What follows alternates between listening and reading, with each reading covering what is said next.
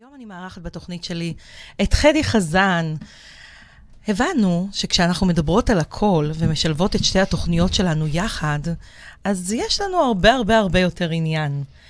ומסתבר שגברים, נשים ומה שביניהם, ותהליכי סליחה, וכל מה שקורה מסביבנו, זה משהו שנוגע לכולנו, וכולנו רוצים לדעת על זה תמיד יותר. אז החלטנו היום, בעקבות כל הבלגן הזה שהיה אתמול, על התאריך הקוסמי הזה של ה-22 לשני 22, לעשות היום תוכנית. לא בתאריך המיוחד הזה, אלא בכל תאריך. כי לאהבה אין תאריך אחד. אנחנו יכולים לדבר על זה בכל יום, בכל רגע. וכשאנחנו מדברות על אהבה, חדי, אז זה לא רק אהבה, והיום רצינו לדבר על כל השאלות שכל הזמן עולות מכל מיני אנשים שמגיעים אלינו, מסדנאות, מאנשים שכותבים לנו בפייסבוק, ושואלים אותנו מה זה בכלל אהבה, ואיך היא מתקיימת, ומה צריך בשביל אהבה, והאם באהבה חייבת להיות גם תשוקה, גם אינטימיות, גם סקס. האם אהבה זה משהו שאנחנו רוצים, ומה קורה כשהיא נגמרת? מה קורה? האם אנחנו מפסיקים? האם אנחנו רוצים שוב? אז בוקר טוב לכולם, יחד איתי נמצאת חדי חזן. בוקר, בוקר טוב, חדי. בוקר טוב, בוקר טוב, כמה שאלות, כמה טוב. תובנות, כמה עומק. את יודעת, תוך כדי שאת מדברת ככה, אני ככה חושבת ומקשיבה, ואני אומרת לעצמי, כמעט על כל דבר בעולם יש הוראות הפעלה. את יודעת, איך, לה, איך להכין איזה מתכון טוב, ארוחת, ארוחה איטלקית, איך לתקן איזה תקלה כזו. אני אומרת, דוקטור גוגל גמיש וזמין לכולנו. והנושא הזה של אהבה, הוא כמה הוא פשוט וכמה הוא מורכב. הוא באמת פשוט, אבל הוא גם מאוד מאוד מורכב. וכל השאלות האלה ועוד, באמת, מה זו אהבה? מה יש באהבה? האם יש איזה מתכון שאנחנו יכולים ככה, את יודעת, לטבל אותו? כי כל כך הרבה שנים באמת מתעסקים בנושא של אהבה, ועדיין אף אחד לא מצא את הנוסחה המדויקת. למה זו אהבה? אולי אין לנו נוסחה מדויקת, אולי אנחנו צריכים לחוות אותה בכל מיני רמות, בכל מיני צורות, בכל מיני דרכים. אולי כל אהבה מדייקת אותנו לאהבה הבאה? מה יהיה שם? כן, זה, את יודעת, זה כל כך עמוק, ו... וכשחושבים על זה, זה משהו ש... האם זה, את יודעת, האם זה רגש? האם זה משהו הרבה יותר עמוק מרגש? האם רק אחרי שאנחנו חווים את זה, אנחנו יודעים מה זה? האם זה בכלל קשור אלינו? את יודעת, זה כל כך uh, נותן לנו מבט ככה לכל כך הרבה דברים, וכל אחד מגדיר את זה בצורה אחרת, שזה היופי. ואת יודעת מה עוד יפה בכל הסיפור הזה? שגם כתבנו על זה, שמצד אחד, את יודעת, היא כואבת, מצד שני גם מרפאה. ודיברנו על זה ככה אתמול, שקראנו ביחד, שתינו במקביל, ודיברנו על איזה משפט ככה יפה, שאומר, כמה שהיא פוצעת וכמה שהיא כואבת, אנחנו רוצים ממנו עוד ועוד, כמה אנחנו מזוכיסטים בקטע הזה. זאת אומרת, עדיין זה כואב ופוצע אותנו, ואנחנו רוצים איזה עוד ועוד ועוד, למרות שאנחנו יודעים שאנחנו עלולים שוב להיפגע. אבל כמו שעידן רייכל אומר, שאנחנו צריכים תמיד לפתוח את הלב, גם אם יש חשש שהוא יישבר. כי אם את חושבת על זה, הרי אהבה זה משהו שבא והולך. לפעמים יש אותה לכל החיים, לפעמים לרגע, לפעמים לשנה, לפעמים ליותר, לפעמים יש אותה במקביל, לפעמים אנחנו מחלקים אותה כזוגי, כהורי, או כל דבר אחר. בסופו של יום, הרגעים האלה של אהבה, הם הרגעים שאנחנו זוכרים אותם כרגש, כחוויה, כמשהו טוב, כתחושה מעולה שנמצאת אצלנו ככה בפנים. וזה משהו של כמו התמכרות. Mm. כי ככל שאתה נוגע בזה, ככל שאתה חווה את האהבה, אתה רוצה ממנה יותר. וגם כשהיא נגמרת, אתה כבר מחפש את הפעם הבאה. אתה רוצה משהו אחר. נכון שיש לב שבור, נכון שמתקנים אותו, אבל הוא נשבר לרסיסים. שאלה אם אפשר לתקן, לילית, את יודעת, את אומרת ככה דברים מאוד יפים וח, וחשובים וכל כך עוצמתיים, ואת יודעת, מי כמוך וכמוני פוגשים כמעט כל יום אנשים שחווים את השברון לב הזה, אנשים שקיבלו את האכזבה, והם נסגרים, והם נאטמים, ואת יודעת, אה, אה, היה אצלי פעם, היה אצלי לפני כמה חודשים בחור מקסים שבאמת אה, היה לו שברון לב, מאהבה נכזבת, ו... והוא בא וככה מתיישב ואומר לי, את יכולה להבטיח לי ש, שאני לא אפגע שוב? אני רוצה לפתוח את הלב, אבל אני, אני רוצה לדעת שאני לא הולך להיפגע. וכמובן שאי אפשר להבטיח דבר כזה, אני חושבת שאפשר להבטיח שאנחנו ניפגש שוב ושוב, רק שאולי אנחנו נהיה הרבה יותר חכמים, נהיה הרבה יותר מדויקים, אבל הרבה אנשים חווים את המקום הזה שהם לא רוצים לפתוח את הלב, כי הלב נשבר, הלב שבור, והם לא רוצים שוב להיפגע. הכאב כביכול חוסם אותם, ואת מכירה את זה טוב, והוא לא נותן להם להיפתח שוב, למרות שהם יודעים מה יש בצד השני. אבל הכאב הזה, את יודעת, מערפל ומשבש לנו כל כך הרבה דברים. אני חושבת שאפשר לרפא לב שבור, ובתנאי שרוצים, ובתנאי שמקבלים עזרה. כי לרפא לב שבור זה בעצם להשלים עם הכל, זה ללמוד את השיעור, ולהתקדם קדימה מהמקום הזה. כי ברגע שאנחנו מבינים שגם בתוך האהבה הענקית הזאת שהייתה, גדולה, קטנה, קצרה, ארוכה, אנחנו נמצאים במקום שחווינו, שהרגשנו, שהיו שם דברים טובים. כשאנחנו לומדים לקחת רק את השיעור, רק את האור, רק את החוויה, אנחנו יכולים לטפל גם בלב שבור. זה לא אומר שהכאב ייעלם. זה לא אומר שלא נרגיש שהיה שם משהו לא בסדר, במידה לדוגמה והקשר יסתיים לא, לא על ידי הצד שלנו, או על ידי הצד שלנו בגלל משהו שקרה בצד השני. אלא אני אומרת, הרצון שלנו לשרוד ולחיות הוא גדול מכל דבר. נכון. אותו הדבר גם אהבה. את רואה לפעמים אנשים שנאבקים על החיים גם כשנקטעת להם רגל ויד, או שהם במקומות הכי קשים בחיים שלהם, והצורך והרצון לחיות הם גדולים. ההישרדות היא ענקית. אהבה היא כוח שמניע אותנו. אהבה זה משהו שמחיה אותנו. כי כשיש לנו אהבה, אנחנו צועדים בהרבה יותר אושר ושמחה בחיים שלנו. נגעת בנקודה מדהימה, כי את מדברת על הכוח, על המשהו שמניע אותנו. וכמה זה נכון, כי את יודעת, אנחנו מתעוררים בבוקר, באמת uh, מתעוררים בבוקר, אנחנו הולכים לעבודה, אנחנו פוגשים אנשים, אנחנו עושים כל כך הרבה דברים, ו- והאהבה הזאת היא לא אהבה רק זוגית או אינטימית, זאת אומרת, יש פה באמת משהו הרבה יותר עמוק במקום הזה שבאמת, uh, זה כמו כוח המשיכה, זה משהו שמרים אותנו, מרים אותנו מהמיטה, מרים אותנו לחיים, מרים אותנו לעשות דברים, ו- ואם אנחנו לא נבין את זה, אז אנחנו לא, לא, לא נמשיך באמת לחיות באמת בצורה אמיתית ו- ו- ועמוקה. עם תשוקה לחיים ועם מקום כזה, למרות ובגלל, ויחד עם כל המכשולים האלה. אבל uh, את יודעת, זה מדהים, כי, כי זה באמת כוח משיכה, זה כמו, כמו כל דבר שקורה בעולם הזה. זה כמו שפרח, uh, uh, את יודעת, uh, מושך, ל, ל, מושך אליו את הדבורה, ו, וכמו שבאמת uh, השמש עם כוכבי הלכת וכל הדברים שיש בעולם הזה, הכל בנוי על, ה, על הדבר הזה, על המקום הזה. עכשיו, זה נותן לנו לראות את הטוב, למרות, בגלל, גם שיש ימים פחות נחמדים, גם שפתאום הכל שחור והכל, וכולם אכזבו אותנו, ואנחנו במוד כל כך בדאון כזה ובאנרגיה כזאת, אבל זה משהו שכל הזמן מרחף. ואת יודעת מה הקטע פה? שלא צריך לקנות אותו באף מקום. לא צריך להזמין אותו באי-ביי, ולא צריך ללכת לסופר. הוא, הוא נמצא, הוא נמצא שם, רק שאנחנו לא תמיד יודעים לקרוא לו, או, או לתת לו את השם הזה. תמיד יש הגדרות כאלה שנורא מלחיצות אותנו. מה זו אהבה? מתי אני אתאהב? האם עכשיו נשברתי ואני לא אפתח את הלב, ואני לא אגיד, ואני לא אדבר, כי זה לא רק באמת אה, להראות אהבה, צריך להרגיש אותה. זה נכון, ואני אומרת, יש כאן גם את הסיפור של הביצה והתרנגולת. Mm. כי כשאת חושבת על הביצה והתרנגולת, את אומרת, מה קדם למה? האם הביצה או האם התרנגולת? מה בא קודם? וכשאנחנו חושבים על אהבה, זה בדיוק אותו הדבר. כי הרבה פעמים יש כל כך אהבה מסביב, ואנחנו לא רואים אותה. ולמה אנחנו לא רואים אותה? כי הכל מתחיל מאצלנו, מבפנים. והמקור הראשון לאהבה הוא לאהוב את עצמנו. נכון. וברגע שאנחנו מצליחים לאהוב את עצמנו, אנחנו יכולים גם לאהוב אחרים. ברגע שאנחנו אוהבים את עצמנו, אנחנו יכולים גם לראות איך האחרים חווים אהבה. כי אני יכול לתת רק את מה שיש לי. אני גם יכול לראות עד איפה שיש לי. וזה אומר, תחשבי על זה, את מדברת על אהבה, ואנחנו מדברות על כוח של משיכה, ואנחנו מדברות על כמה שזה, בתדר כזה שזה מתפשט. כשאת נכנסת לאיזשהו חדר, ואת מחייכת ואומרת בוקר טוב, האם אנשים יחייכו אליי חזרה? ברור, ממגנט. כשאת נכנסת לחדר, כולך כפופה, חבו, חבויה כזאתי, הולכת על יד הקירות, וגם אפילו לא אומרת שלום. אנשים מתרחקים, כי מבינים שצריך להניח לך, שצריך לא לגעת בך. לשמור מרחק, כי את נכון. חוסמת.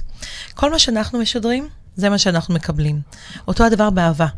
ככל שאני אוהב את עצמי, זה מה שאני אוכל לתת החוצה. אני אראה דברים וסיטואציות בעיניים אוהבות. נכון. אני אראה את הדברים שקורים מסביבי, אני גם אדע לזהות אהבה כשהיא קורית לידי. תמיד מספרת על איזשהו סיפור של מישהי שהגיעה אליי אה, לקליניקה כדי לטפל בזוגיות. והיא אומרת, לא קורה סביבי כלום. ועבדנו על משהו והבנו שהלב שלה סגור. וכשהלב שלה סגור, היא גם לא הצליחה לראות שום אהבה מסביב. ועשינו איזשהו תהליך של בעצם לפתוח את הלב. ויום אחד ככה היא מגיעה בהתרגשות לשעה הקבועה שלנו, ואומרת לי, תקשיבי, אני כזאת מטומטמת.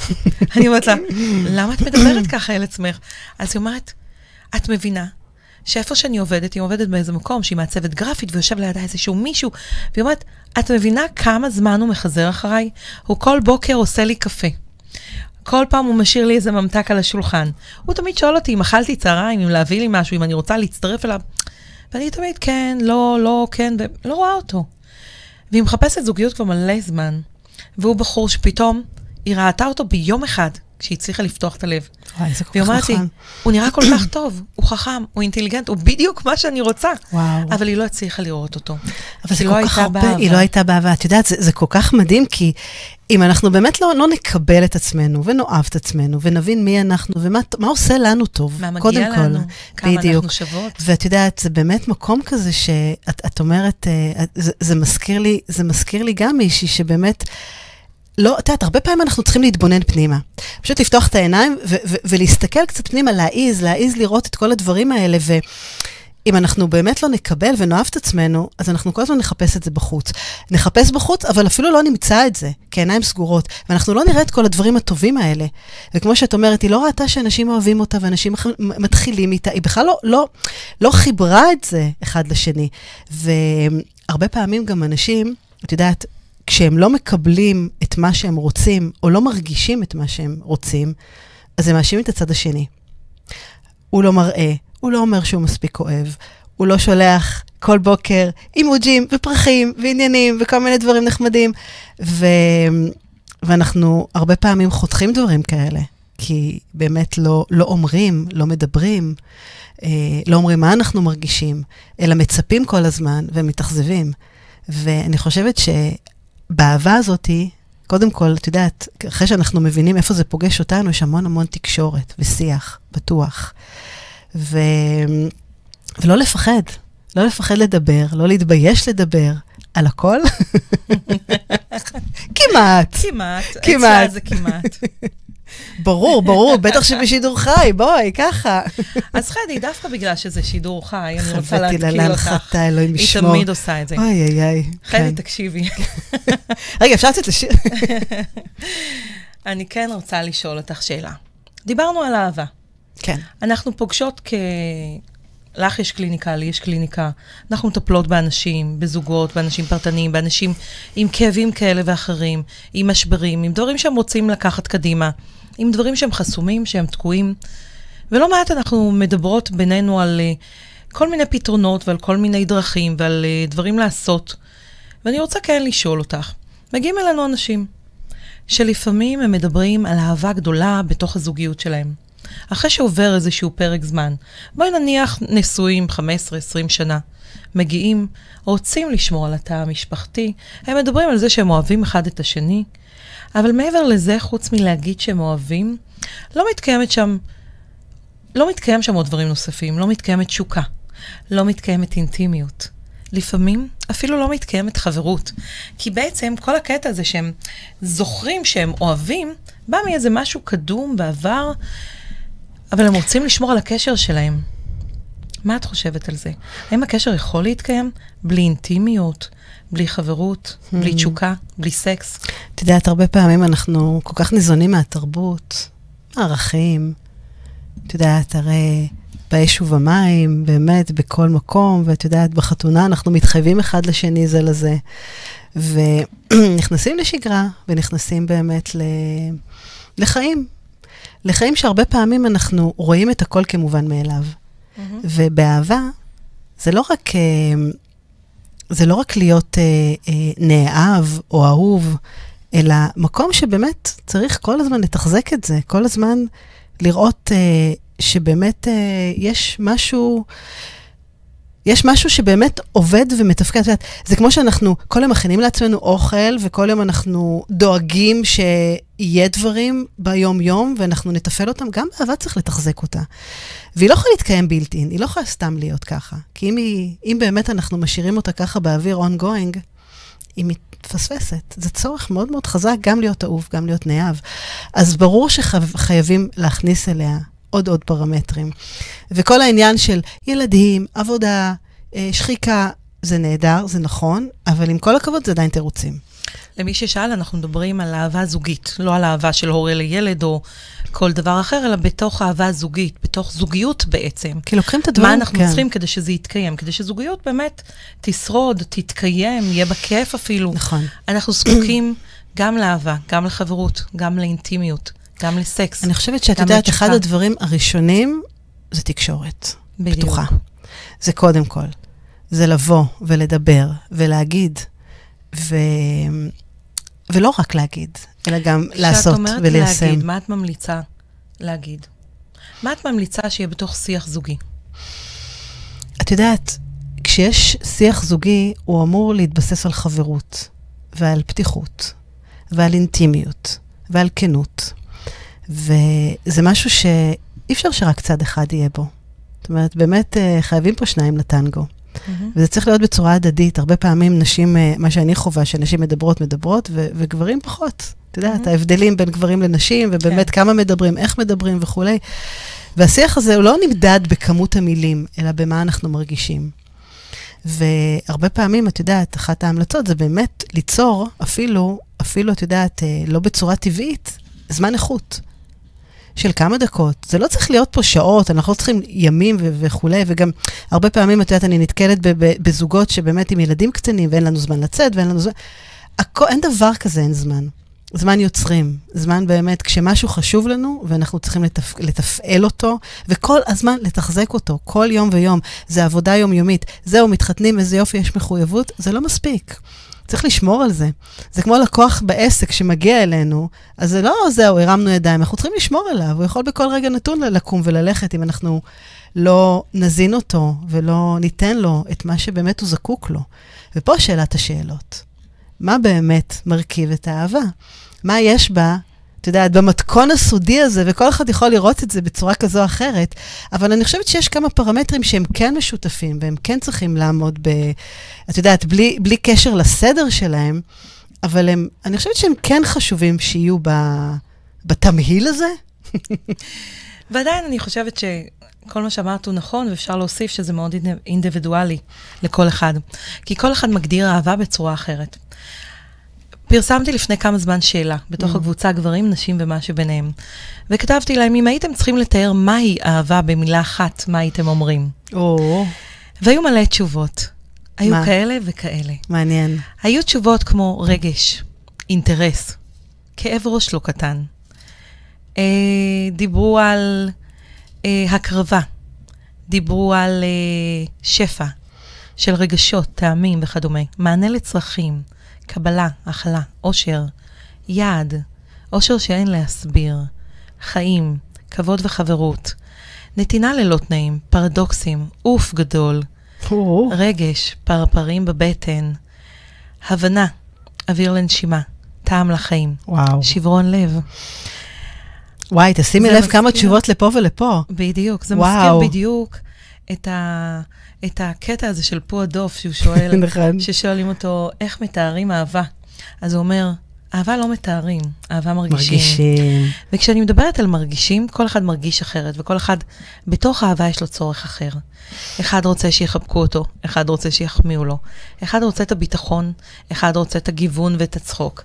כל אחד, האהבה שלו, אוספת כל כך הרבה דברים נוספים בפנים, שאי אפשר להגדיר אותה מילונאית. ועדיין, איך יודעים שהם אוהבים? Mm, יש כזה משהו כאן שזז, התרגשות, פרפרים. הלב מתכווץ ומתרחב בעוצמות כאלה שאנחנו מרגישים. אנחנו מתרגשים לראות. מתרגשים. אני חושבת שזה באמת ה... נכון.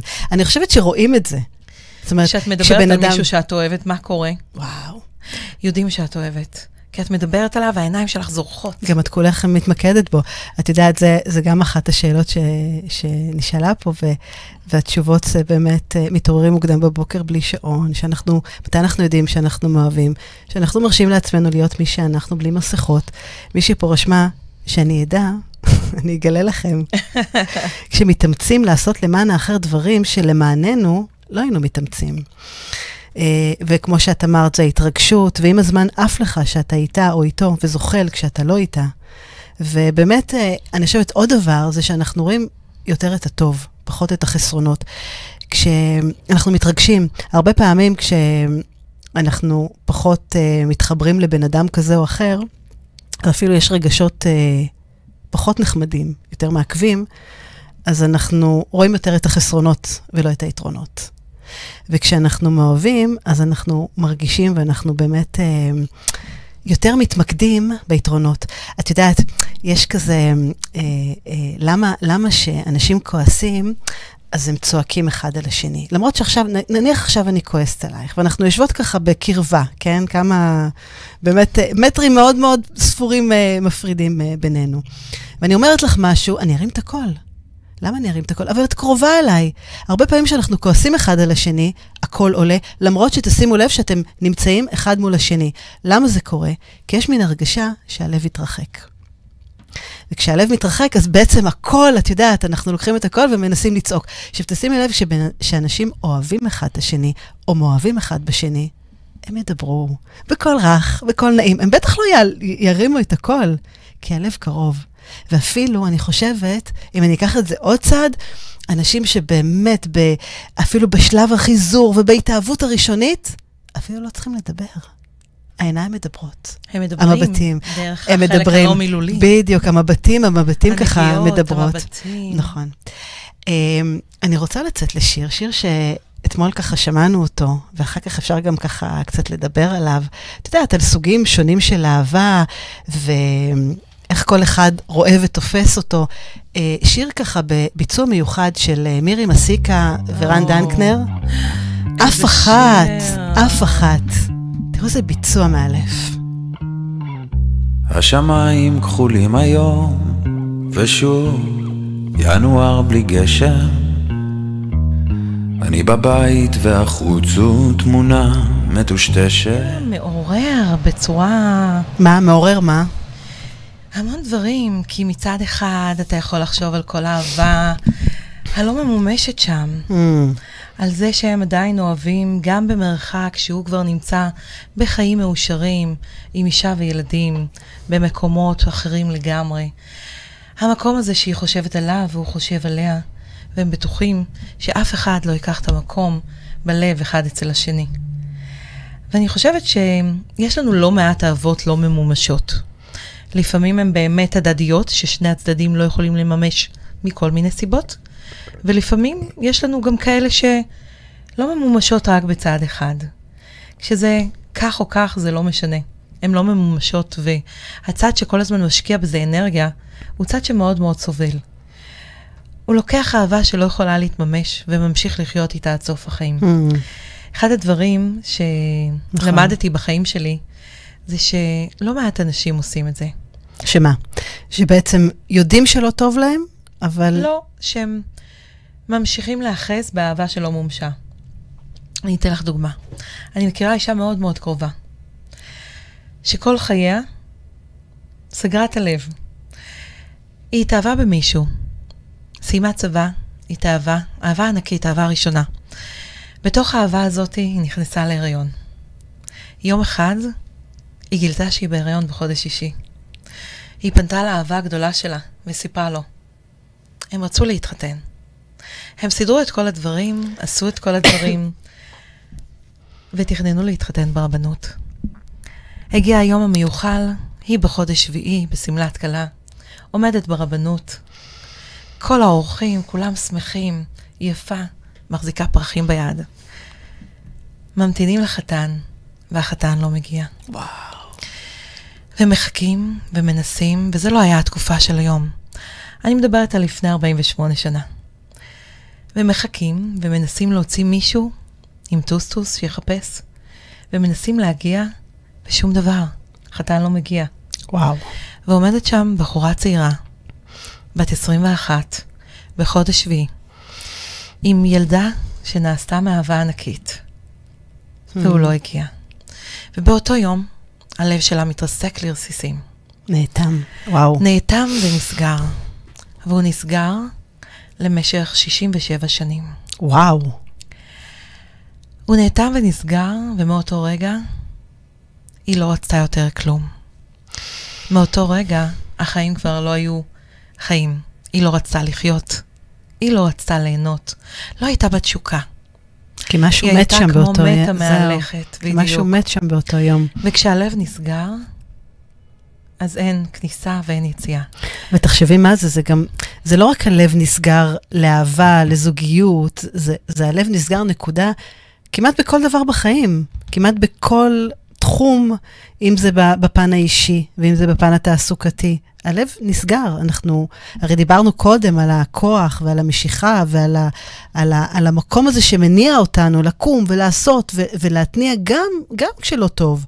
ופתאום כשהלב נסגר, וזה אפילו לא שברון, זה, זה אפילו לא לב נשבר, זה, זה הרבה יותר עמוק מזה. זה גם מקום שבאמת, אה, מין ייאוש כזה. כאילו, הרמתי ידיים. כבר אין לי סיבה באמת באמת לחיות. באופן, את יודעת, כן, אני חיה, אני ממשיכה וכולי, אבל אני לא באמת חיה. אני חושבת שזה אחד השיעורים הכי גדולים שקיבלתי בחיים שלי. ואחד הדברים שהחלטתי שהם יהיו חלק מהשליחות שלי בחיים, זה לדאוג שאנשים ידעו לפתוח את הלב חזרה. Mm. בין אם הם עברו משבר גדול או משבר קטן.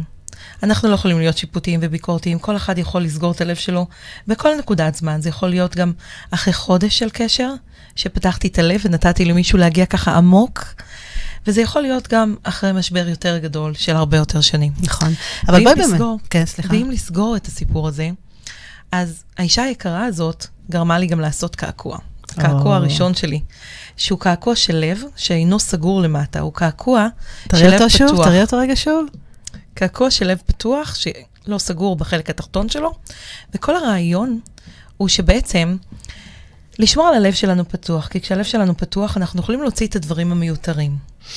אנחנו או. יכולים להכניס דברים חדשים. אנחנו יכולים לרענן אותו ולעשות דברים אחרים. את יודעת, זה, זה מדהים, כי, כי באמת, כשאנחנו מוציאים דברים, אז יש לנו מקום להכניס אותם. ואני אומרת, שאלת השאלות, שאני בטוחה שכל מי שמקשיב לנו יכול להתחבר אליה, הרי כולנו נפגענו, כולנו התאכזבנו. אני חושבת ששברון לב בצורה כזו או אחרת, כמעט כל אחד חווה. במינונים, בעוצמות כאלה. ואת יודעת, לא חסרים סיפורים. את מכירה מהקליניקה שלך, ואני מכירה באמת מהמקומות, מהקליניקה שלי, אנשים שמגיעים וכל כך נתנו ופתחו את ליבם. למרות, למרות שנפגעו, אם זה במשפחה, אם זה מול בנות, בני זוג. ובכל זאת, את יודעת, אחרי הרבה הרבה שנים, יורדים מהגדר, מוכנים לעשות צעד, צעד, צעד, ופתאום בום! עוד פעם. ואז אומרים, תעזבו, עדיף להישאר על הגדר. אני לא רוצה להיפגע. שם אני בטוח, כביכול. שם נוח לי, כביכול. שם אני לא אפגע. עדיף להישאר בשגרה הרגילה. ואת יודעת, ובאים כי... ואז הם מגיעים אלינו, אלייך, אליי, והם תקועים. משהו לא עובד שם בכל החיות הזאת, במוטיבציה. יש כל הזמן המון לחצים, והמון תסכול, ואנרגיה פחות טובה. ויש פחד, פחד לפתוח את הלב. בוא נדבר רגע על הפחד הזה. איך אפשר לפתוח קצת קצת יותר את הלב, למרות, בגלל שנפגענו? זה פשוט. ברור, ככה. זה לחיצת כפתור, אנחנו רק לוחצים וטאק, הכל משתחרר. לא כפתור אחד, כמה כפתורים, אנחנו ככה נרחיב ונדבר. אז כשאנחנו נמצאים במצב של לב שבור, אנחנו קודם כל, כמו כל בן אדם נורמטיבי, וגם הפסיכולוגיה מדברת על זה, וכל נכון. שיטות הטיפול מדברות על זה, אנחנו צריכים לעבור את חמשת שלבי האבל. או, יפה. וכשאנחנו עוברים את חמשת שלבי האבל, אנחנו צריכים לדעת שלכל שלב יש את הזמן שלו. נכון. והזמנים מאוד שונים מאחד לשני. יכול להיות שמישהו שחווה אהבה של חודש, ומישהו שחווה אהבה של ארבע, של ארבע שנים, יחוו בדיוק את אותו שלב באותו קצב, ויכול להיות שאפילו הפוך. ובתוך המקום הזה, ברגע שאנחנו מאבדים את כל המידע, אנחנו גם צריכים תמיד ככה להיות עם עין אחת פתוחה, לוודא שאנחנו לא נתקעים בכל שלב יותר מדי זמן. מגיעים אליי אנשים שלא שחררו אחרי שנתיים, אחרי שש, אחרי עשר ואחרי עשרים שנה. נכון. ואנחנו מבינים שזה כל רגע כזה, זה רגע מבוזבז. לגמרי. זה רגע, זה רגע שלא הכנסנו אהבה חזרה. לא רעננו את מה שיש. הפכנו להיות באיזשהו מקום קורבניים. לעצמנו. לעצמנו. כל הזמן. זה נכון, את יודעת. לחיות בחלק הלא מואר של החיים. ואם את שואלת איך מטפלים בזה, אז איך מטפלים בזה? עושים את זה לאט-לאט. קודם כל מאבדים את המערכת הזאת. מסתכלים על המערכת ולוקחים ממנה את כל הדברים החיוביים. מבינים שכל דבר שנכנס אלינו לחיים ומגיע לפתחנו, מגיע כדי לפתח אותנו. לוקחים את השיעור הטוב שלקחנו משם. הרי בכל מערכת יחסים, גם כשהיא מסתיימת, יש שם כל כך הרבה דברים טובים. יש שם דברים שבהתחלה, והחיזור, והכיף, וההתרגשות, והאהבה הענקית הזאת. וכן, לפעמים דברים מסתיימים. וכשהם מסתיימים, אנחנו צריכים להיות בהבנה ובהכלה שדברים מסתיימים כדי לפנות מקום, אה, לפנות זמן ומקום לדבר אחר. ואם לרגע נאחז בכל הטוב, ונגיד תודה על מה שקיבלנו לחיים, וניקח את כל ציר הזמן של החיים שלנו, ונסתכל ונגיד, אוקיי, מתוך איקס שנים יש לי כאן איקס שנים מאושרות, ועוד שנים מאושרות, ועוד שנים מאושרות. ואני שואלת את עצמי, האם הייתי רוצה, במחיר הזה שאני כרגע בשברון לב, לא לחוות אהבה לעולם, או לחוות אותה מתי שהיא תיכנס אליי לחיים. אז מה תהיה התשובה שלך, אדי? להיות פתוחה לאהבה, להרגיש, בוודאי. כי עדיף אחד בטח, מכלום. בוודאי, גם, גם למרות ובגלל ובטח, בוודאי. ואת יודעת, גם, גם זה בסדר להיות במקום הזה של העצבות, זאת אומרת, מה זה בסדר? זה, זה הכרחי, זה חלק מהשלבים של הפרידה, של האובדן, באמת של המקום הזה. ו, ו, ואנחנו מדברים על חמישה שלבים כל כך מדויקים.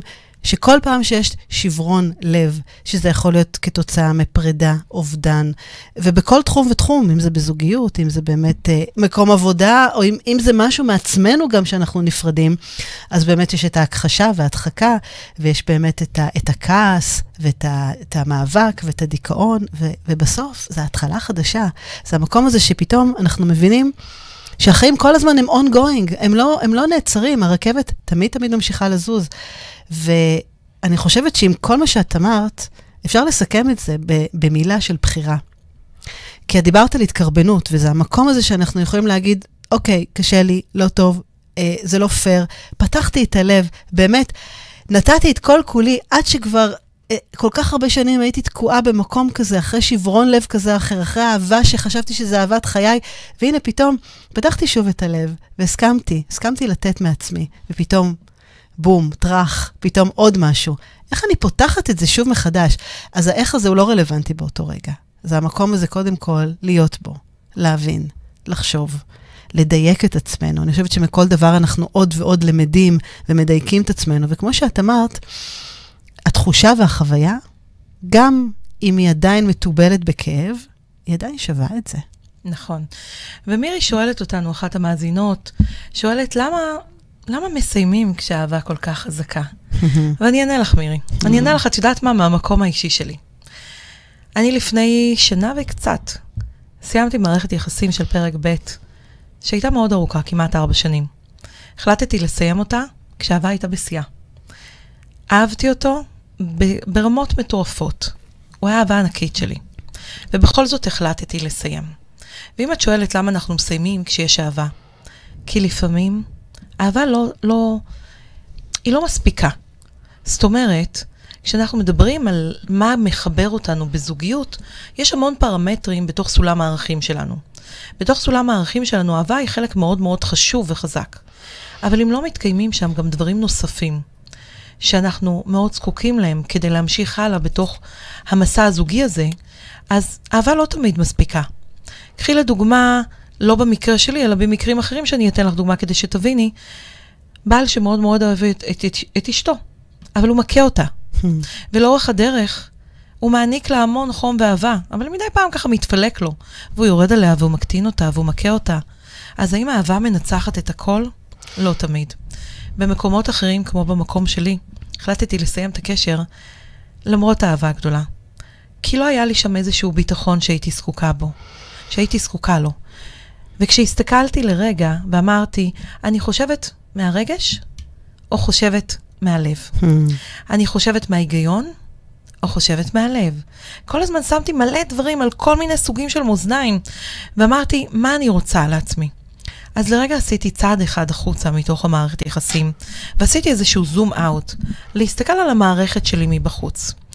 ואחד הדברים ששאלתי את עצמי, אם הייתי עכשיו צריכה לתת uh, עצה לבת שלי, מה לעשות בסיטואציה הזאת? מה הייתי מציעה לה? Hmm. ואחד הדברים שאמרתי, זה הייתי מציעה לה, לסיים את הקשר עכשיו. הכאב יהיה עכשיו, או יהיה בעוד כמה שנים. עדיף שהוא יסתיים עכשיו, כי זה לא משהו שהוא היה בר תיקון או בר שינוי, כי אנחנו לא יכולים לשנות אנשים, ואנחנו לא יכולים לגרום לאנשים להיות מה שאנחנו רוצים. ואני לא רוצה להיות עם מישהו שאני צריכה לשנות אותו כדי שהוא יהיה איתי. נכון. כי זה הרגלים שלו, זה הדפוסים שלו, זה משהו שהוא שלו. אני יכולה או לקבל אותו ולהכיל אותו עם המקום הזה של הדפוסים, ההרגלים, אנחנו נקרא לזה השריטות שלו, הלא מושלמות שלו, כי אין מושלם. ואני גם יכולה להחליט שאת השריטות האלה אני לא רוצה להכיל. Hmm. אני לא רוצה להשאיר בחיים שלי. אז יום אחד לקחתי צעד אחורה, הסתכלתי על מערכת היחסים שלי מבחוץ. אמרתי, מה הייתי מציעה לבן, לבת שלי, לעשות? ואמרתי, הייתי מציעה להם לקום וללכת עכשיו.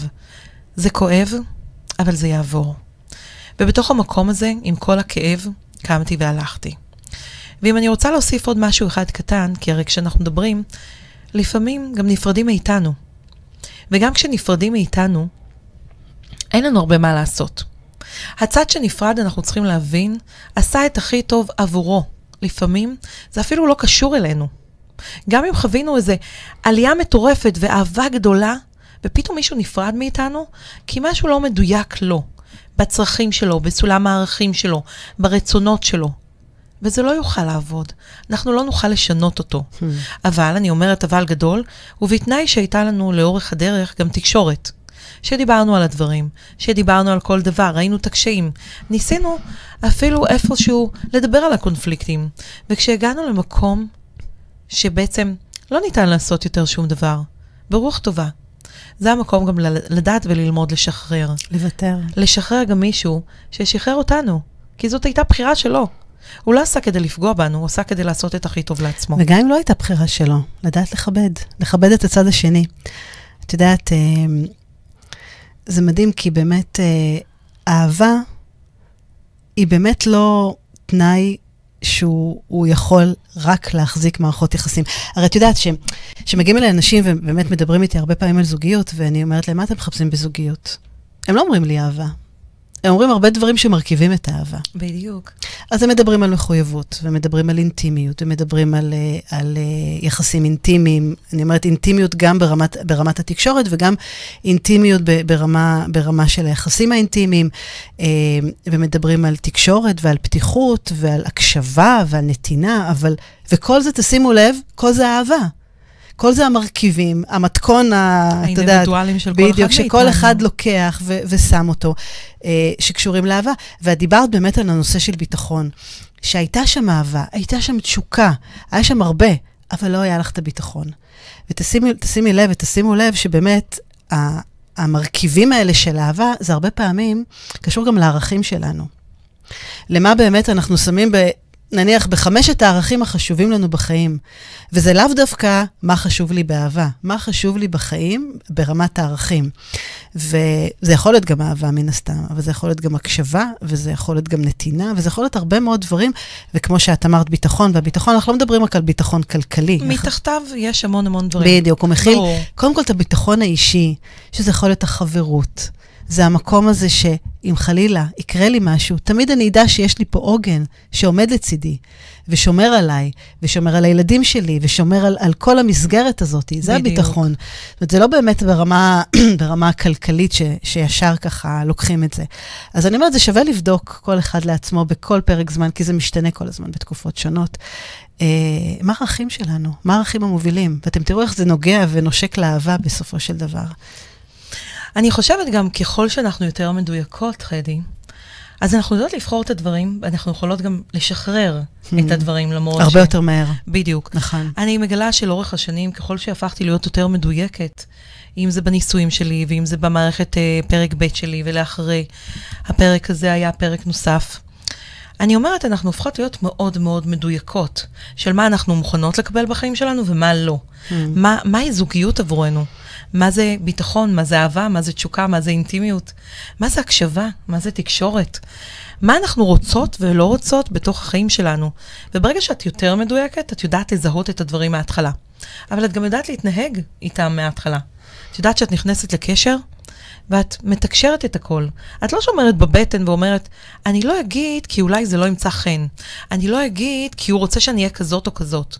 בסופו של יום, אני זאת אני.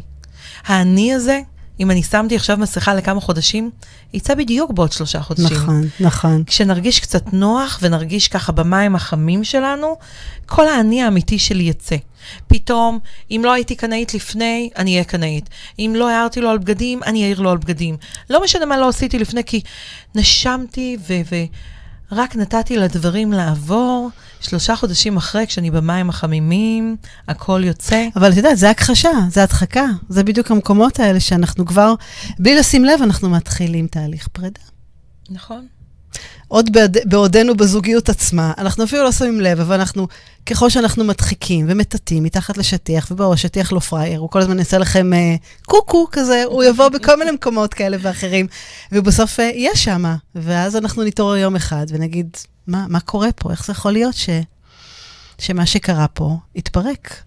ואת יודעת, זה, זה מדהים, כי ככה, את יודעת, אנחנו מדברות, וזה זה כל פעם, אני אומרת, בכל שלב בחיים אנחנו חושבות, חושבים, מה באמת מרכיב לנו את, ה, את, ה, את מה שאנחנו רוצים בחיים, את, ה, את האהבה, את המקום הזה שייתן לי את, ה, את החיות הזאת, את השמחה הזאת, את ה... לראות את הטוב וכולי. ו, ואני אומרת, זה, זה מדהים, ודווקא יש לי שאלה אלייך הפעם. כן. את יודעת, זה, זה משהו שאני חושבת שהרבה אנשים שואלים, או רוצים לשאול, ולא תמיד נעים להם לשאול. Mm-hmm. ו, וזה בנושא של uh, תשוקה, וזה בנושא של יחסים אינטימיים, ובנושא של סקס. והאם אהבה קשורה לזה אחד לשני? האם היא יכולה לעמוד בפני עצמה בלי התשוקה ובלי המיניות? או האם זה מרכיב שהוא הכרחי בשביל לתחזק אהבה? זו שאלה מורכבת, אני אחלק אותה ככה לכמה חלקים. אנחנו מדברים אז על אהבה זוגית, אוקיי? כן, נכון. אנחנו לא מדברים על סוגים אחרים. Uh, ואני שמה רגע את האהבה בצד. כי כדי בכלל שתהיה זוגיות, צריך שני אנשים. נכון. לכל אחד יש את ההגדרות שלו למה זה זוגיות, ולמה הוא זקוק בתוך הזוגיות שלו. יש אנשים שנכנסים לזוגיות כשהלב שלהם סגור. אז הם לא מחפשים בכלל אהבה. הם יותר יחיו על תשוקה, נוחות, על חברות, על נוחות, חברות. על כיף, על כל מיני דברים כאלה ואחרים. אז כן זה יכול להתקיים, אז אין אהבה בעצם. אז זה לא מדויק שיש או אין אהבה.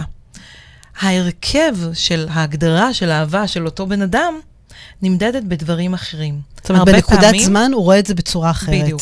הרבה פעמים זה יהיה גם בחוסר. Mm. כי מצד אחד הוא ייכנס בלי, מצד שני הוא עלול למדוד את זה למה הוא לא מקבל, אבל כדי לקבל אתה צריך לתת. כי לתת זה לקבל ולהפך. עכשיו, את שואלת אהבה ואינטימיות, אבל אם נלך לזוגיות, הזוגיות, כדי שהיא תתקיים ותתקיים לאורך זמן, אנחנו צריכים שיתקיימו בה כמה מרכיבים, ואהבה היא אחת מהם. כי אהבה היא איפשהו גם הדבק שמחזיק את הזוגיות. כי ברגע שאני אוהבת מישהו אחר, כמו שאמרנו קודם, יש מתחת לזה סל של דברים. נכון. מה אני מוכנה לעשות? זה, אהבה היא משהו שלא תלוי בדבר. וברגע שאני אוהבת בכל ליבי מישהו, אני כל הזמן ארצה לגרום לו לחייך, אני ארצה שהיא תהיה לו טוב. אבל זה לא אכפתיות.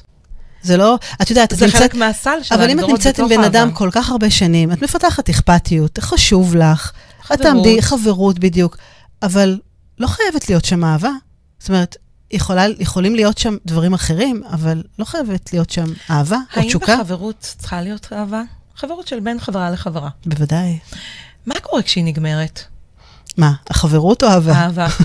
את מתחילה לראות את כל הפגמים. נכון, נכון, זה מה שדיברנו קודם, לראות את הטוב. אני מדברת על זה שכשיש אהבה, זה משהו שמפזר לך כמו איזה שפכטל על כל השריטות ועל כל הפגמים. נכון. ואתה מוכן לקבל את הבן אדם. גם עם הפקדים, עם הפגמים. זה אפילו יותר אתה מזה. אתה מכיל אותו. מכיל אותו, זה אפילו יותר מזה, כי את יודעת, גם אם הבן אדם לא נמצא ביום טוב, מבחינתך הוא נראה הכי יפה בעולם. נכון. ונראה מהמם, ונראה קורן. ואז הוא אומר לך, אבל אתה משקר לי, אני לא ביום טוב. את אומרת, לא, אתה נראה פשוט נפלא. והוא לא מאמין לך. אבל הצד השני, בגלל שהוא אוהב, אז הוא, הוא רואה אותך בעיניים האלה. בדיוק. וזה לראות בעיניים אוהבות. נכון. אהבה חייבת להתקד... להתקיים כל הזמן בקשר זוגי. יש מקומות שקשר זוגי הופך להיות, אני אומרת, על ניוטרל, אחרי הרבה שנים, שגרה. אז היא לא תמיד, את יודעת, היא שוררת ככה בין בני הזוג. יש שם יותר כבוד הדדי, חברות, מחויבות. אני קוראת לזה איזושהי עס- עסקה משתלמת. עסקה, כן. כי הם בעצם עסקת חילופין כזאת. הורים לילדים, נכון. או הורים לנכסים, אני קוראת לזה, או כל דבר כזה או אחר. ואז יש את הכדאיות ואת האינטרס בלשמור על המערך הזוגי הזה. וואו, לגמרי. אבל כשיש אהבה, זה נראה אחרת. כי אתה קם בבוקר ואתה נהנה. נכון. אתה קם בבוקר ואתה מחייך. אותו אחד בצד השני יודע ויכול להצחיק אותך. הוא יכול לגרום לך ברגע לשחרר כאב. נכון. גם לא להתמקד בכלום, לא אכפת לי שום דבר, אני פה ועכשיו, ושום דבר לא מעניין אותי.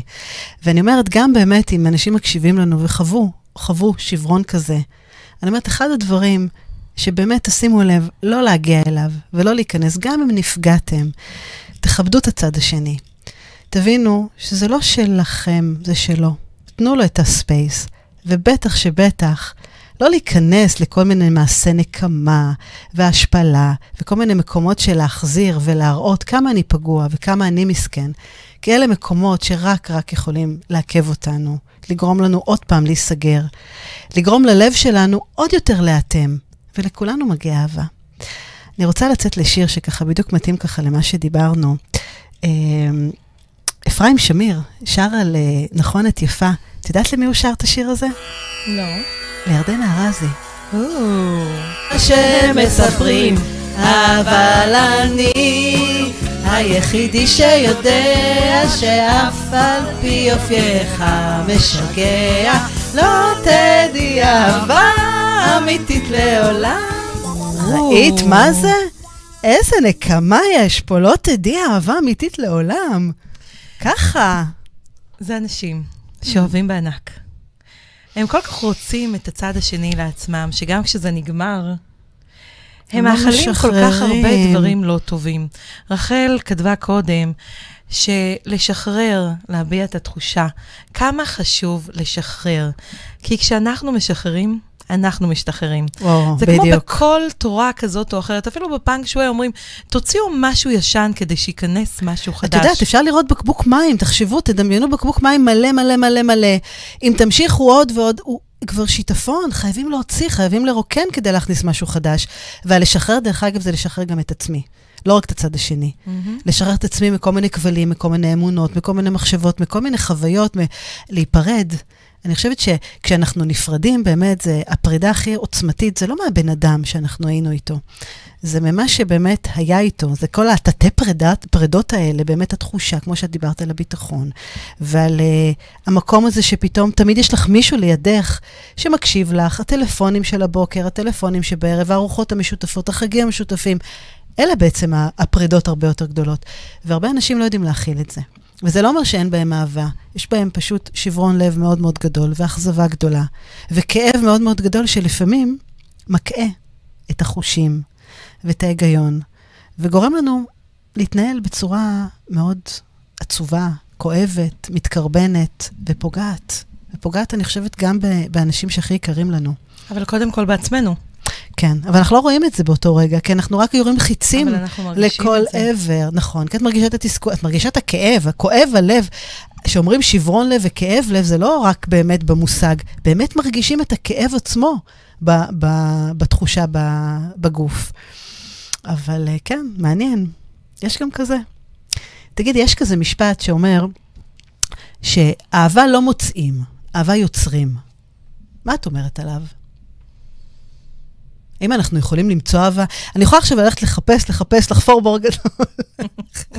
אפס, מצאתי, כמו איזה, את יודעת, יהלום גדול שמתחבא לו באדמה. אני, אני חושבת שהמשפט? הזה הוא נכון, כי באמת אהבה יוצרים. כי בהתחלה כשאנחנו יוצאים לדייט או מכירים מישהו, או סתם פגשנו מישהו, יש כל מיני סממנים ככה שאנחנו מסמנים כל מיני וי, שאנחנו אומרים, וואלה, יכול להתקיים פה משהו. כן. אומרים אהבה ממבט ראשון. אהבה ממבט ראשון זה משהו שעונה לנו על, על איזה ליסט כזה שלנו, שאנחנו אומרים, יש איזה 70 אחוז מה-100 אחוז שאני רואה ומזהה בצד השני, עכשיו בואו נבדוק אם זה עובד או לא עובד. כן, כן. ואהבה אכן יוצרים. Mm. אהבה יוצרים כי ככל שמשקיעים, כי ככל שנוגעים, כי ככל שנותנים ומקבלים, שם נוצרת אהבה. ואיך אנחנו יוצרים? בהדדיות הזאת. בלתת בלי תמורה, בלאהוב, בלחבק, בלהכיל, בלתקשר, בכל המקומות האלה. וברגע שאנחנו משקיעים באהבה, אנחנו בעצם יוצרים אותה. אנחנו יוצרים משהו שנעים לנו לתת, משהו שנעים לנו לקבל, ומשם מתחיל הכל. כי אז גם הצד השני נדלק בו משהו. נכון, נכון. ואהבה נכון. זה משהו שהוא דואלי, אנחנו צריכים, אנחנו לא צריכים, אנחנו רוצים לתת, ואנחנו רוצים לקבל, אנחנו רוצים שכל הזמן הזרימה של התדר הזה, של האהבה, יתקיים. בואו נשים כוכבית על הנתינה הזאת. אם אתם מרגישים שאתם נותנים, אבל עדיין אתם מחכים גם לתמורה, אז תסגרו ותכניסו את פנקס ההתחשבנויות. שם זה לא לקדם אותנו לשום אהבה.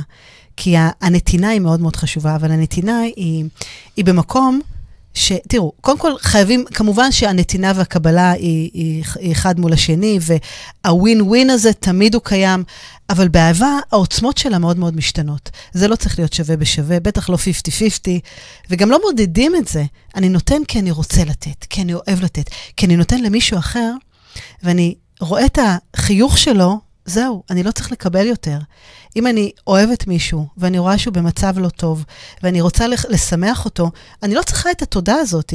עצם זה שידעתי שנתתי, זהו, זה הספיק. לא צריך לחכות ולחכות לו בפינה לרגע שהוא יחזיר לי גם כן.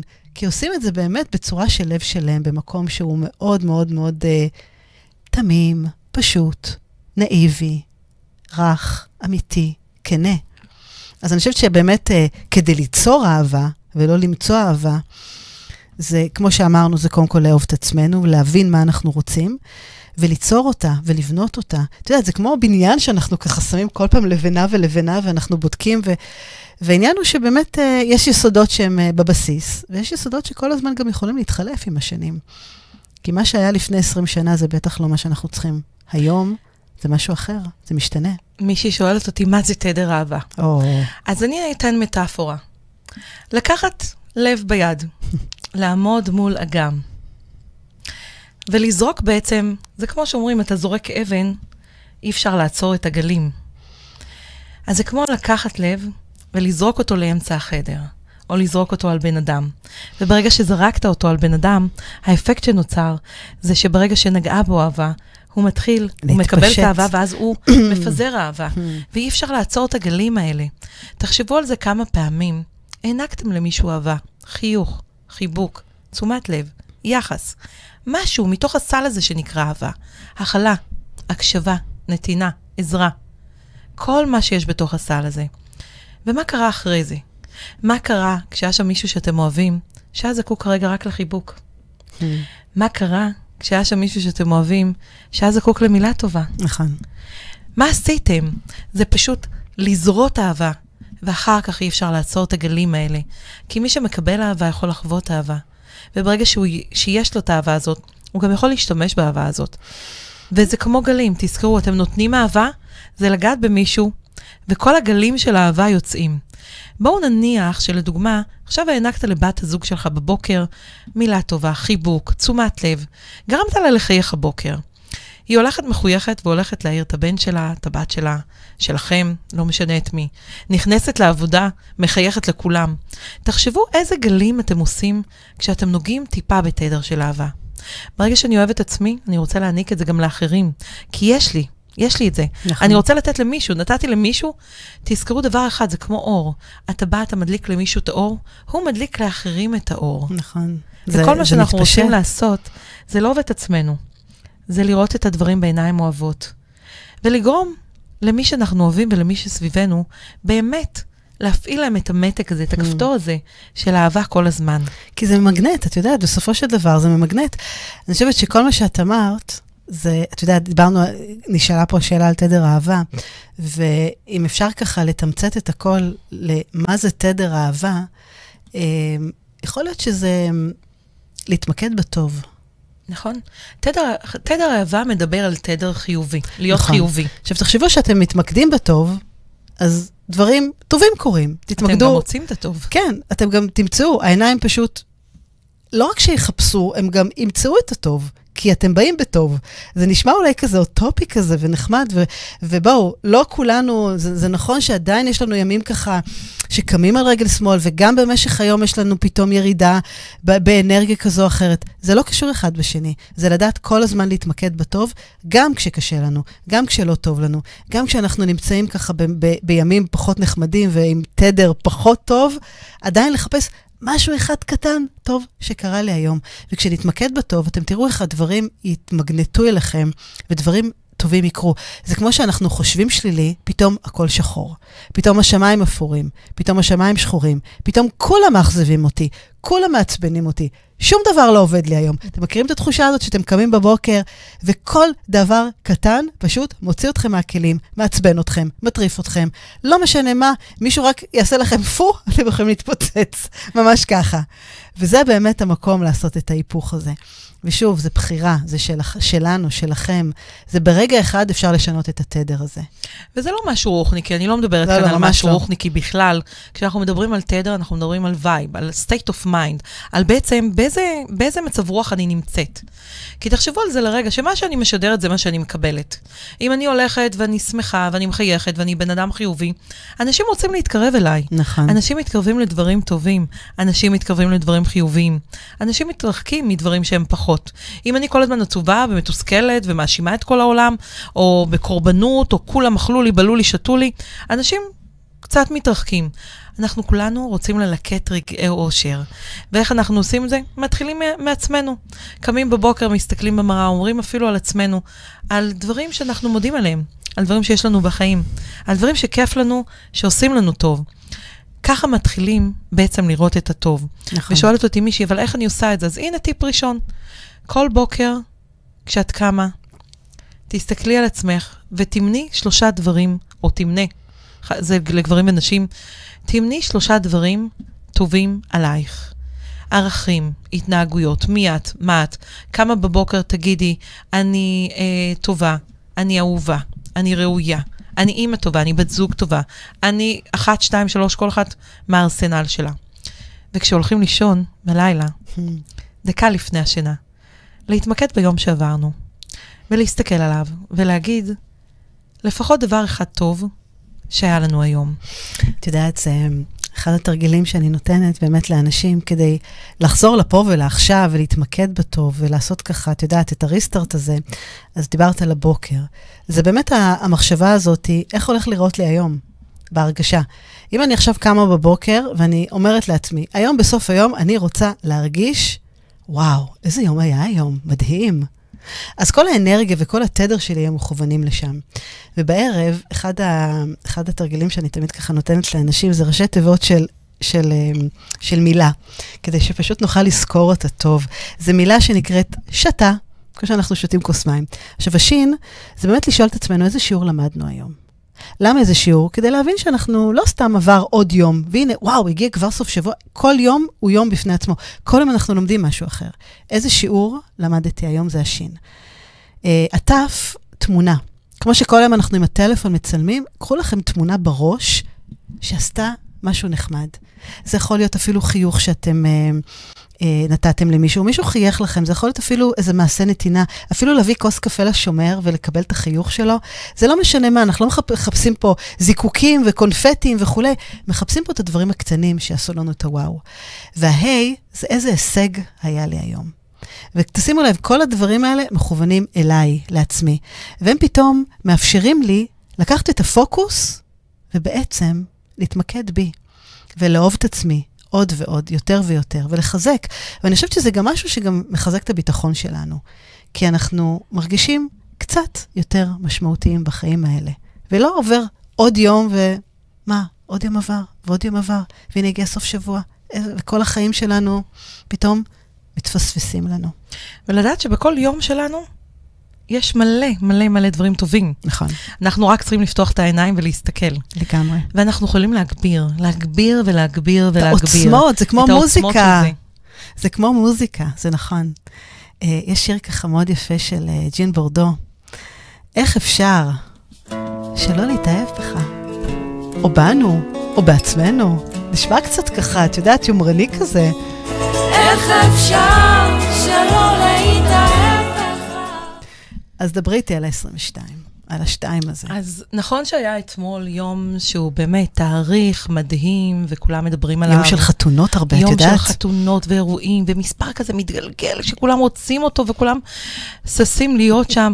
המקום הכי הכי חשוב שיצא מתוך המקום הזה, בעצם של ה-22 לשני 22, אתמול הייתה לי הרצאה באיזושהי קבוצה של אהבת זוגיות ורוחניות, קבוצה מעולה, ממליצה לכם להצטרף. הדבר הכי מיוחד שם זה שמדברים על תדרים, על שערים, על דברים שקורים ביקום, והתאריך הזה הוא תאריך אה, שפלינדרום, בעצם תאריך שאת יכולה לקחת אותו ולהסתכל עליו גם הפוך, לקרוא אותו גם מהסוף להתחלה וגם... כן. עכשיו, הוא סך הכל תאריך יפה. דיברנו על המשמעות של המספר 2 בתוכו, דיברנו על המשמעות שהשנה הזאת שסוכמת 2022 מגיעה למספר 6, דיברנו על זה בכלל קצת בערך נומרולוגי, שבעצם 6 זה מספר של שנה שמדברת על זוגיות, על אהבה, על בית, על חברות, על המקום היותר אינטימי. אני משווה את זה למקום קצת פחות רוחני, אנחנו מדברים תמיד על עולם הצרכים שלנו, איך מתקיימים הצרכים שלנו, אם זה בפירמידת הצרכים של מאסלו, או של טוני רובינס, או של כל אחד אחר. אנחנו מדברים על סולם של צרכים, שש נמצא שם איפשהו באמצע. ובעצם עברנו איזושהי דרך, Mm. ובשש אנחנו. נמצאים בקו האמצע שלנו, במקום שאנחנו כבר מושקעים ועשינו, ועכשיו אנחנו צריכים לקצור את הפירות שלנו. שש הוא איזשהו מקום של איזון. שש היא שנה שבה אנחנו צריכים למצוא את האיזון בין קריירה לבין אהבה. זה יפה מה שאמרת, כאילו אמרת מקום טוב באמצע, ותשימי לב שהוא אפילו באמצע פלוס, כאילו הוא כבר עבר את קו האמצע ונושק לכיוון העשר. זאת אומרת, גם אם היינו מעגלים אותו, הוא היה הולך למעלה ולא למטה. כן, ומדברים על זה שתאריך כזה, כמו התאריך שהיה אתמול, בעצם עם כל הרצף הזה של אותו מספר שמופיע כל כך הרבה, יחול רק בעוד 178 שנה. מה, זאת מה, מה? אומרת שאנחנו, כאנשים, 178 שנה? כן, מדברים על זה שרצף שמכיל רק מספרי 2, יכול בעוד 178 שנה. כי השתיים יש לו משמעות מאוד מאוד חיובית. שתיים זה זוג, שתיים זה ביחד. אבל שתיים זה גם הפרדוקס הפרדוקס הזה של דואליות, של שניים בתוך אחד. Mm, של מה זה זוגיות בעצם? זה לא שני אנשים שהם אותו אחד. נכון. זה שני אנשים שהם שונים. אותו הדבר גם לגבי עצמנו, מה זה שתיים? כל השתיים הזה זה שיש לנו גם מזה וגם מזה, שאנחנו יכולים מצד אחד גם להיות מאוד אוהבים, מאוד מכילים, ומצד שני גם כועסים וביקורתיים. מצד אחד אנחנו נהיה א', מצד שני ב'. זה כמו שהיין והיין, בכל טוב יש רע ובכל רע יש טוב. אם נבין שבכל מקום יש הכל מכל, אז נדע גם לחפש אותו. וזה המקום של השתיים. של שתיים שבעצם באים יחד ונמצאים ביחד, אבל כל אחד הוא אחד בפני עצמו. את יודעת, כשאנחנו מדברים על השתיים, ואת יודעת, אה, ביהדות ובקבלה וגם במדע, אנחנו, יש אה, אחד החוקים הרוחניים המאוד חזקים, זה חוק אה, השתוות הצורה, שדומה מושך דומה. ואת מדברת ככה על השניים שבאמת אה, לא יכולים להתקיים, גם אדם וחווה, את יודעת, נוצרו אחד, אחר כך באמת הם שניים, ומשם באמת הכל, אה, הכל ממשיך. ודומה מושך דומה. חוק השתוות הצורה, כביכול, חוק המשיכה, החיבורים. הרי תמיד יש לנו ככה את, ה, את המחשבות האלה, ושאת יודעת, אה, את רואה שני אנשים והם כל כך שונים אחד מהשני, ובכל זאת הם משלימים. ומה את אומרת? חייבים להיות, מכנה, חייבים להיות פרמטרים משותפים, דומים, כדי שהמשיכה, האהבה, שבאמת המקום הזה של ה... שזה ימשיך ויחזיק מעמד, הוא הכרחי? חד משמעי, כן. כי כשאנחנו מדברים על דומה מושך דומה, זה לא ברמת התחביבים וההתעסקויות שלנו ודברים אחרים, אלא זה משהו קצת יותר עמוק. כשאנחנו מדברים על דומה מושך דומה, כשאנחנו נפגשים בקשר זוגי, הדומה הזה זה מערכת הערכים שלנו וההתנהגויות שלנו. זה הרבה יותר עמוק. מה אנחנו מביאים. זה המקום העמוק יותר, שאותו בן אדם חושב כמוני, נוהג כמוני, רואה את העולם כמוני, וזה מתייחס באמת למקום הכי הכי פנימי שאנחנו מביאים איתנו מילדות, לחינוך, לערכים, להתנהגויות, לאיך אנחנו מתייחסים לכל דבר. וואי, זה מדהים. וזה עדיין כן. לא נוגע במשהו החיצוני. הרבה פעמים את רואה שני בני זוג, אחד אקסטרים ואחד שקטה, אחד אה, דומיננטי ואחד אה, ככה נחבט אל הכלים. ואת אומרת, רגע, אבל מה, זה בגלל שהם הפכים, הם נמשכים? אז לא. יש את החלק של דומה מושך דומה, שזה החלק העיקרי שצריך להתקיים. החלק השני, הרבה פעמים, הוא דווקא ההפכים. ההפכים האלה בהתנהגויות החיצוניות שאנחנו עושים, זה מה שמשלים אותנו. הרבה פעמים אתם רואים מישהי שהיא פחות דומיננטית, או מישהו פחות דומיננטי, נמצא עם בן זוג מאוד דומיננטי. אנחנו בוחרים את בן הזוג שלנו ממקום של הרבה דברים שאנחנו לא עושים. שחסרים אצלנו. שחסרים אצלנו. נכון. ומה שחסר אצלנו, אנחנו סומכים על כך שבן הזוג יוכל לעשות את זה עבורנו. זה יפה, כי את יודעת, זה, זה באמת המקום שהדומה, הוא לא חיצוני, כמו שאת אמרת, הוא באמת ברמה הערכית. זה אומר שאם שנינו, אחד הערכים הכי חשובים לנו זה נושא של כנות, זה נושא של פתיחות, זה, זה באמת נושא של הקשבה, זה נושא של נתינה, לא משנה מה. זה לאו דווקא דברים שבאמת, אה, כמו שאת אמרת, תחביבים משותפים, שנינו הולכים, אוהבים לרוץ, שנינו אוהבים אה, ללכת, אה, לרקוד סלסה, או הולכים ללכת לים, או לא משנה מה. זה לא ברמה הזאת. והרבה פעמים, באמת אנחנו משלימים אחד את, משלימים את עצמנו. זאת אומרת, וזו שאלה באמת, את יודעת, מעניינת, אם זה באמת יכול לפתור לנו חסך. כי הרבה פעמים אנחנו מחפשים ב, בזוג, בזוגיות אה, משהו שחסר אצלנו, או משהו שבעצם חווינו בעבר, ואנחנו רגילים לחוות אותו, אם זה בילדות שלנו, אם זה בדפוס מסוים, זה לא משנה מה. אבל uh, את יודעת, זה כמו שבאמת uh, הרבה פעמים אנשים לא לומדים את הלקח ובוחרים זוגיות אחרת, חדשה, בדיוק באותם דפוסים של הזוגיות הקודמת. ובעצם עדיין החסך הזה והחוסר הזה, הוא לא התמלא, הוא לא היה שם. אה, וזה מקום שאת יודעת שהוא שווה התבוננות ושווה בדיקה כדי לראות באמת אה, מה אני רוצה, מה חשוב לי, מה אני רוצה. באמת, מה המקום ש, שלי מול עצמי. לא... לא באמת כדי לעשות וי ולחזור עוד פעם ועוד פעם על, אה, על אותה מערכת יחסים שפחות עבדה לי. זה המקום הראשון להבין שמערכת יחסים היא לא משהו שאנחנו משלימים אחד את השני.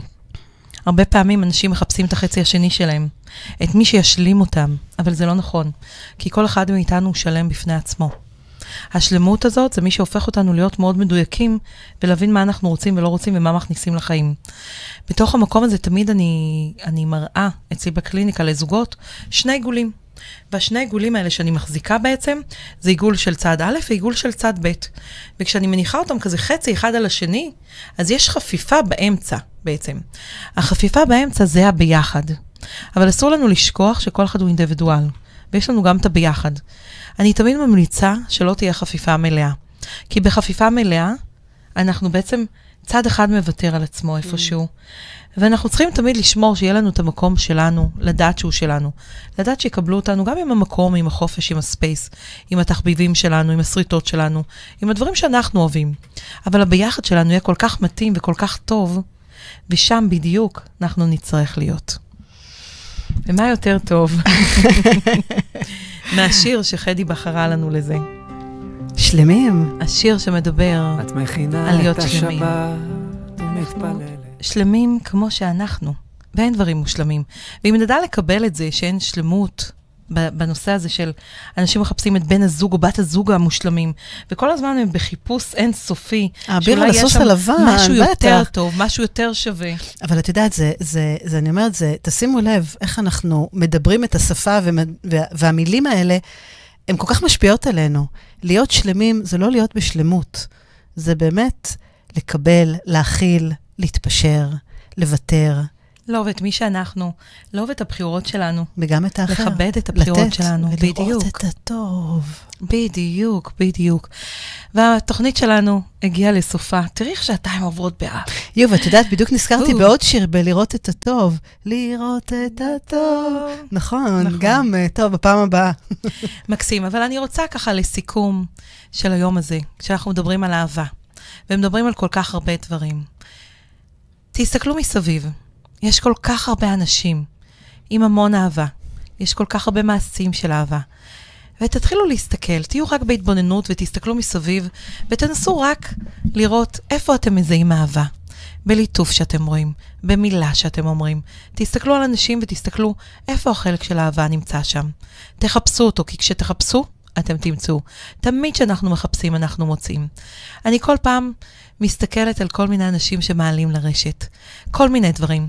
ואני אומרת, אהבה זה קודם כל לאהוב את עצמנו, וגם לפרגן לאחרים. כי כשאני אוהבת את עצמי, אין לי שום בעיה לפרגן לאחרים. נכון, גם לא לחפש אותה אצל האחרים, לא להיות בדיוק. תלויים, תלויים באהבה של אחרים כדי לקבל את האושר ואת השמחה ואת האהבה. זה קודם כל בכם. כאילו, באמת, תעשו את הדברים שטובים לכם, נכונים לכם, מדויקים לכם, ו- ושם, את יודעת, שם זה מתחיל. הצד השני כבר יראה את זה, הצד, הצד השני כבר יתמגנט ו- ובאמת יפעל גם כן בצורה הזאת. אבל קודם כל זה בנו, וכמו שאמרנו, לשים פוקוס על הטוב, נכון. כל הזמן. ואני רוצה ככה לסיום להמליץ על משהו. אני עוקבת ברשת עוד מתחילת תקופת הקורונה אחרי בחורה מדהימה שיוצרת דברים מדהימים. לבחורה הצעירה הזאת קוראים עדי אברהמי. אני זוכרת את הימים שהיא התחילה, והיא הייתה שרה בבית עם Mm. המיקרופון, והייתה עושה לייבים שרה קטנים. במקלחת ככה. בדיוק. והיה לה חלום. והיה לה חלום ענקי. והיא התחילה אותו בצעד הראשון, כשהיא יצאה החוצה. ובהתחלה היא התחילה בקטן בתוך הפייסבוק, והעלתה לייבים. ויש לה קול מצמרר. אני שומעת את השירים שלה ותמיד יש לי צמרמורת. אבל מעבר לקול, יש שם מילים. מילים, משמעות. והמילים והמשמעות של השירים שלה, זה אחד הדברים המדהימים שיש. אני רוצה שאת התוכנית שלנו אנחנו נסיים עם שיר אחד שלה. השיר שלה נקרא "זה מתחיל בצד". אני רוצה שתקשיבו למילים. הוא מדבר על כל כך הרבה דברים, ואתם, אם תהיו בהקשבה, באמת מלאה, לרגע תיתנו ותעניקו לעצמכם את המתנה של השיר הזה, ותשמעו ותזהו שם את עצמכם. כי אין מישהו שהחיים שלו לא עברו עליות וירידות. נכון, והדרך וכאן לצאת. זה לראות את האור. ולצאת. ולצאת. ולצאת לזה בצעדים, וזה בצעדים מתחיל קטנים. בצעד. וזה השיר שלה. זה מדהים, ותראה איך זה מתחבר לנו לאהבה. מדהים. כי אהבה באמת גם בונים אותה צעד צעד, כל יום, עוד, עוד לבנה, עוד פיסה, עוד צעד קטן, כדי לשמר אותה ולתחזק אותה ו- ולאהוב אותה. בדיוק, וממליצה לכם לרוץ וללכת לראות הופעות שלה. אני אומרת, אני שומעת שירים שלה ביוטיוב, ואני כולי מתרגשת. אבל אין כמו לשבת שם בהופעה שלה ולהרגיש את התדר האהבה שלה. להרגיש את האנרגיות שלה. להרגיש את האור הזה שהיא מפזרת ליקום ולעולם. אז זה מתחיל בצעד אחד. עדי עדי אברהמי. כשאדם אחד, יחיד ומיוחד, פוסע צעד קטן אל עבר מה שכבר מזמן... בחורה צעירה, יוצרת מדהימה. המילים זה מילים שנוגעות בכל אחד ואחת. שווה להיות באנרגיה ובתדר שכשהיא שרה את זה על הבמה, כמה אהבה היא מפזרת, כמה אנרגיות חיוביות, כמה היא מגשימה את החלום שלה, כמה יפה לראות אותה עם כל האנרגיות הטובות שלה. ממליצה לכם בחום ללכת לראות את עדי אברהמי. זה מתחיל בצעד, יש לה את תגביר, יש לה כל כך הרבה שירים טובים שהיא יוצרת. מומלצת ביותר. ואני חושבת שעם זה, חדי, אנחנו הגענו ככה לסיום השעתיים שלנו, שאנחנו מדברות על אהבה, על תדר אהבה. על כמה חשוב לאהוב את עצמנו, לאהוב את הסובבים שלנו. על כמה חשוב לפרגן, לאהוב. כי ברגע שאנחנו מפזרים אהבה, אנחנו מקבלים אהבה וחיים בסביבה של אהבה. כן, את יודעת, זה- בדיוק התלבטתי ככה, את יודעת, עם, עם המשפט סיום, ותמיד הוא מתחבר לי לשיר, ופתאום אנחנו מדברים על הטוב, אבל יש כזה, את יודעת, שאת, את השיר של אתניקס, שרק אהבה תנצח, את כל הדמעות, ו, ויש בזה משהו, כי בסופו של דבר אולי זה נשמע ככה קצת אה, קיצ'י. פתטי וקיצ'י, אבל בואו, אתם יודעים, בסופו של דבר, באמת, אם אנחנו מאמינים בזה, ואנחנו חיים לפי זה, אז uh, אני חושבת שזה מה שמאפשר לנו באמת לראות את הטוב, להתמקד בטוב, גם לשפוך את הדמעות האלה באיזושהי צורה, בכ, את יודעת, בעצבות, במקום הזה ש... שמשחרר, שמרוקן לנו את הבקבוק הזה, את המים, כדי להכניס דברים חדשים. אז uh, תודה, לילית, איזה שעתיים ככה, את יודעת, תודה לך, זרענו חדי. שם כל מיני דברים ככה על אהבה, ותמיד כיף לדבר על אהבה. תמיד זה עושה טוב, תמיד זה מחמם את הלב, גם כשהיא קצת נשברת. נכון. אז אהבה תנצח את כל הדמעות. Hmm, Mm, לא חייבים לענות. בדיוק. טוב, אז אנחנו, תודה רבה לכל מי שהיה איתנו פה. צפה, האזין, התוכנית מוקלטת, היא גם תהיה כפודקאסט. ואנחנו נתראה פה שוב, יום רביעי הבא.